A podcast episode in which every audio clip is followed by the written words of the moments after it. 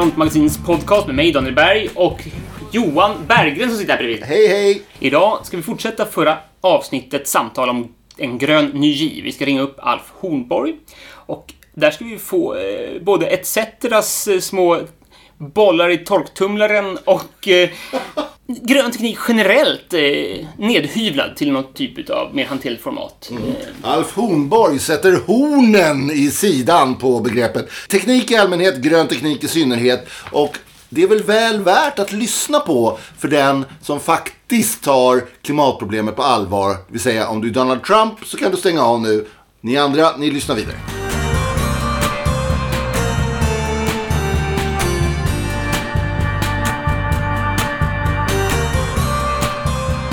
Man kan på en på.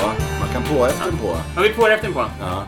Nej, men idén är ju för det här avsnittet är att fortsätta prata om klimatfrågan, om dess plats i samhällsfrågorna. Och eh, vi pratade om grön ny giv, Green New Deal som de radikala i USA börjar hoppas på. Och du lyfte viss eh, tvekan inför den idén, men vi, vi ville samtidigt inte skjuta den i sank. Vi var vi- ganska ambivalenta. Ja, det, det, naturligtvis så letar en tänkande och radikal värld efter alternativ till den pågående Race to the Abyss. Där då liksom en, en buss av idioter körda av Donald Trump med Putin som konduktör och Bolsonaro som påpackare.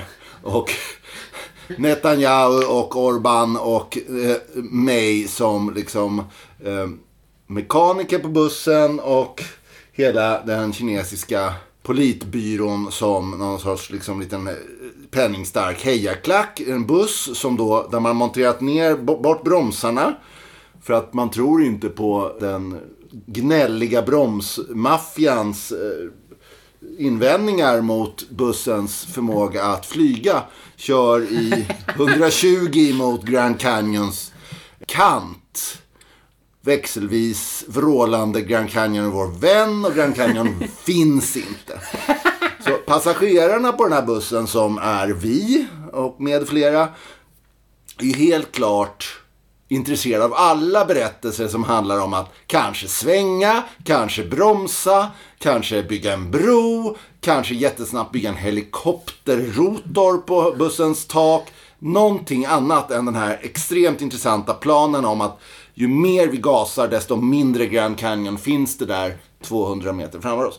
Så det är klart att när förhållandevis väldigt vettiga människor som Alexandra Ocasio-Sanchez och Bernie Sanders och andra i USA pratar om andra vägar än den... Alltså den är ju inte ens fascistisk, den är ju så här fascistoidiotiska politik som, som Trump står för.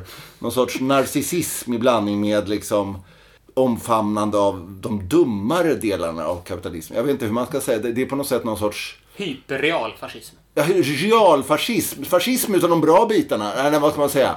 Hur som helst, när vi hör de här tala om en Green New Deal och sluta med fracking och försöka satsa på alternativa eh, energikällor och bättre miljölagstiftningar och sluta med plastförpackningar. Då är det ju naturligtvis så, som vi pratade om förra gången, att den moderna människans gener finns i oss och rycker i oss. Vi har fått lära oss att teknik är framsteg och med teknik kommer människan att lyfta sig ur sitt elände. Trots allt detta så finns det ju grön teknik som kanske inte är så bra när man skrapar lite på ytan. I det senaste numret av Ordfront Magasin, nummer 1 2019, så har hela miljökampens gossen Ruda, den påläste och oförblommerat sanningssägande professorn i humanekologi Alf Hornborg skrivit en artikel där han minst sagt problematiserar begreppet grön teknik och dess företrädare. Och utan vidare omsvep så ringer vi upp honom. Hornborg. Ja men hej Alf, det här är Johan Berggren. Känner. Hej hej. Jag sitter här med Daniel Berg. Hej, hej! Ja, hej, hej, hallå.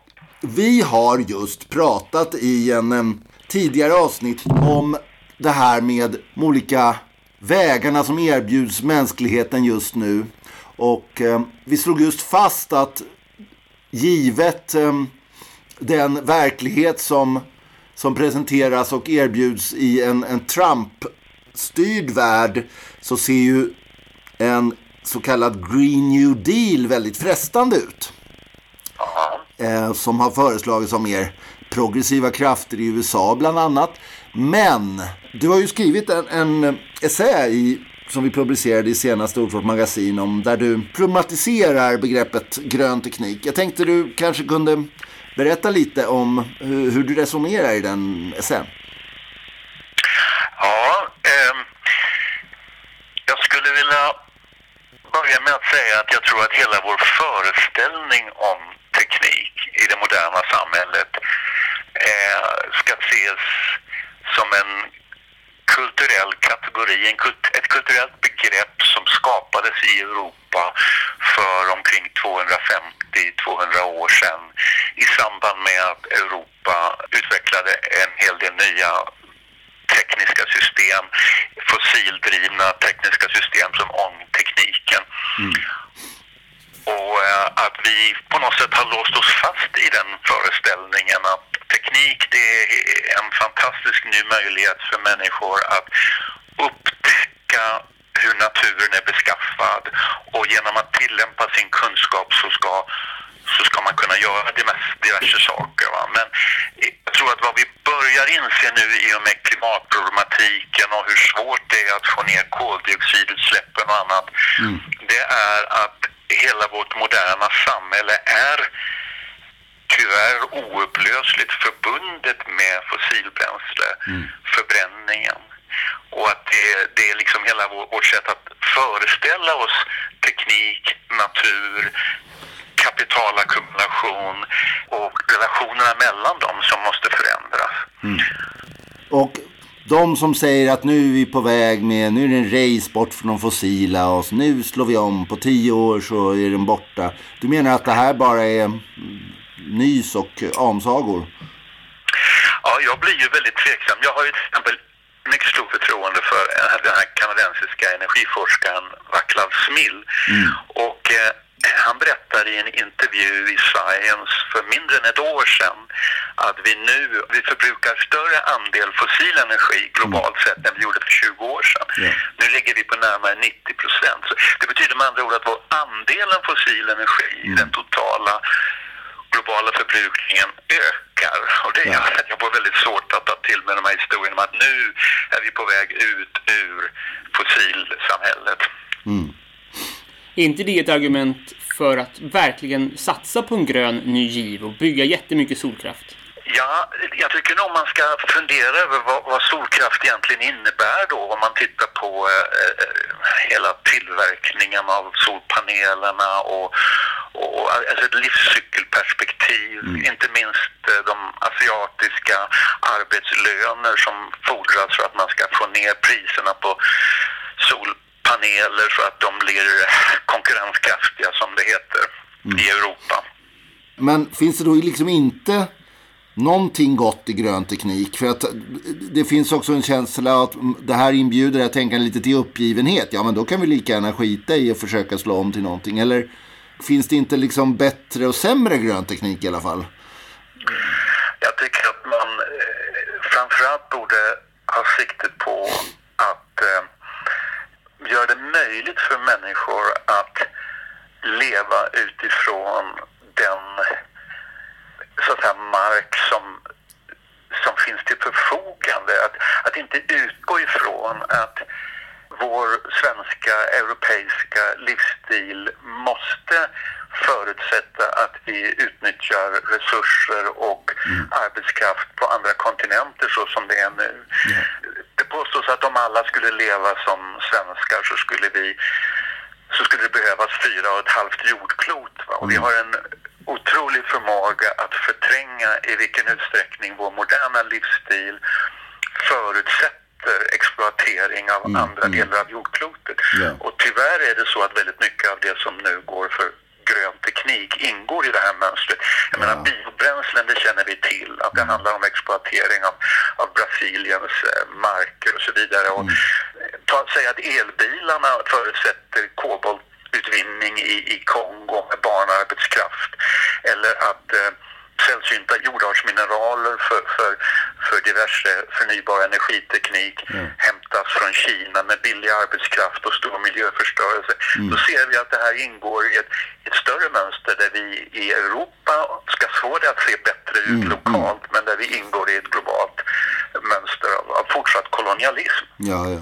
Men man skulle kunna tänka sig med en, den här sortens strängare analys av det som man vill, ska då vill kalla klimatvänlig eller grön teknik ändå kanske ta fram tekniker såsom vissa omläggningar i jordbruket eller annat som faktiskt på riktigt är grönare i alla fall än, än det som vi idkar idag.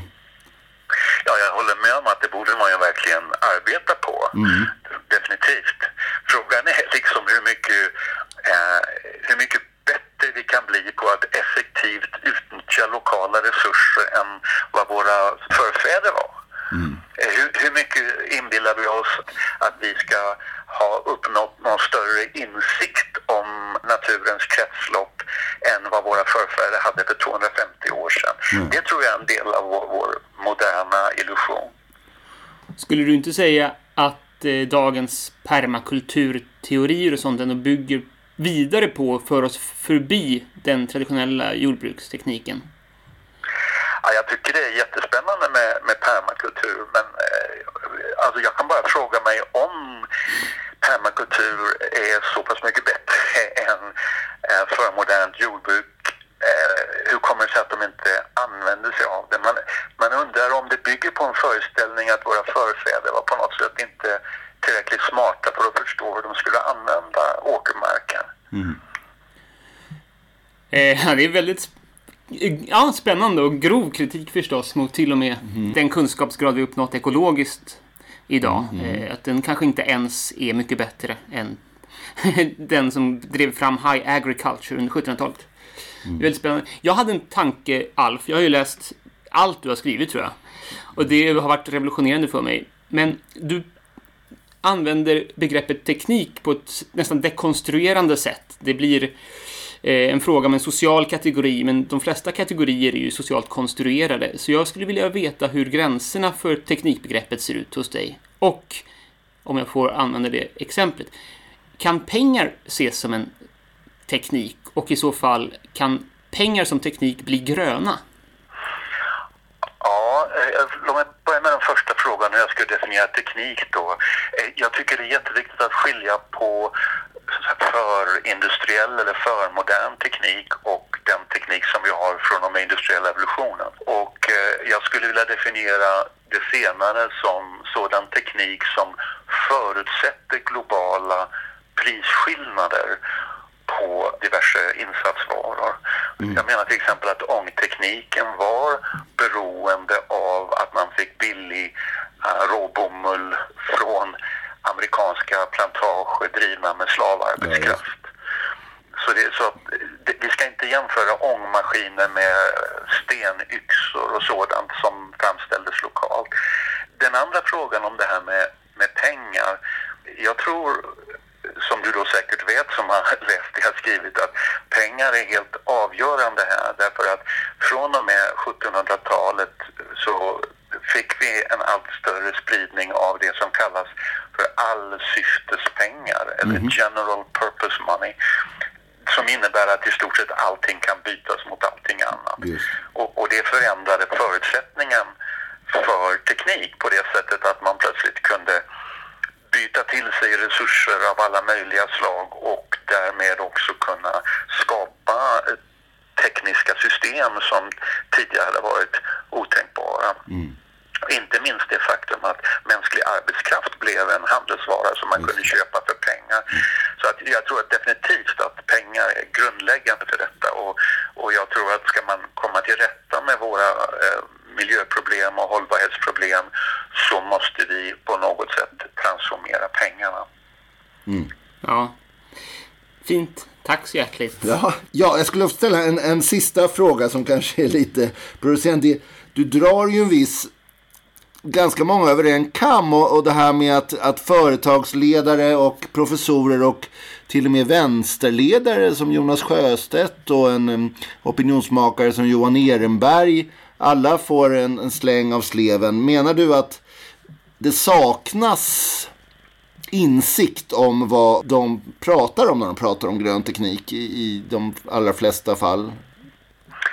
Ja, alltså jag, på samma sätt, alltså jag är ju antropolog i grunden mm. och, och, kulturantropolog. Och, och, på samma sätt som jag tycker man kan iaktta att olika människor och kulturer i olika delar av världen kan begränsas av föreställningar och begrepp så tror jag att vi i mycket stor utsträckning i det moderna samhället begränsas av vår föreställning av vad teknik är. Mm. Och, och, det gäller lika mycket företagsledare som politiker och ideologer och folk i gemen.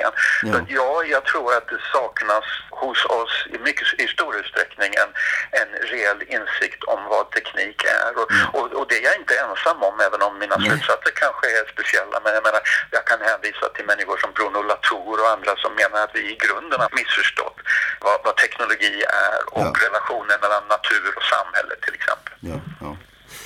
Okej, okay. vad bra. Men, eh, tack så mycket Alf och eh, vi hörs igen. Ha det bra. Tack för att du var med. Tack. Tack så jättemycket. Tack. Hej, hej. Hej, hej. Ja, och det var alltså Alf Hornborg. Ord och. Professor i, i, vid Lunds universitet i humanekologi som gav oss någonting rejält att tänka på och förhoppas jag också alla dessa personer där ute som har en fot i att tjäna pengar på grön teknik och den andra foten står och säger att grön teknik är bra. Jag nämner inga namn, men Johan Ehrenberg är ju en intressant person i sammanhanget.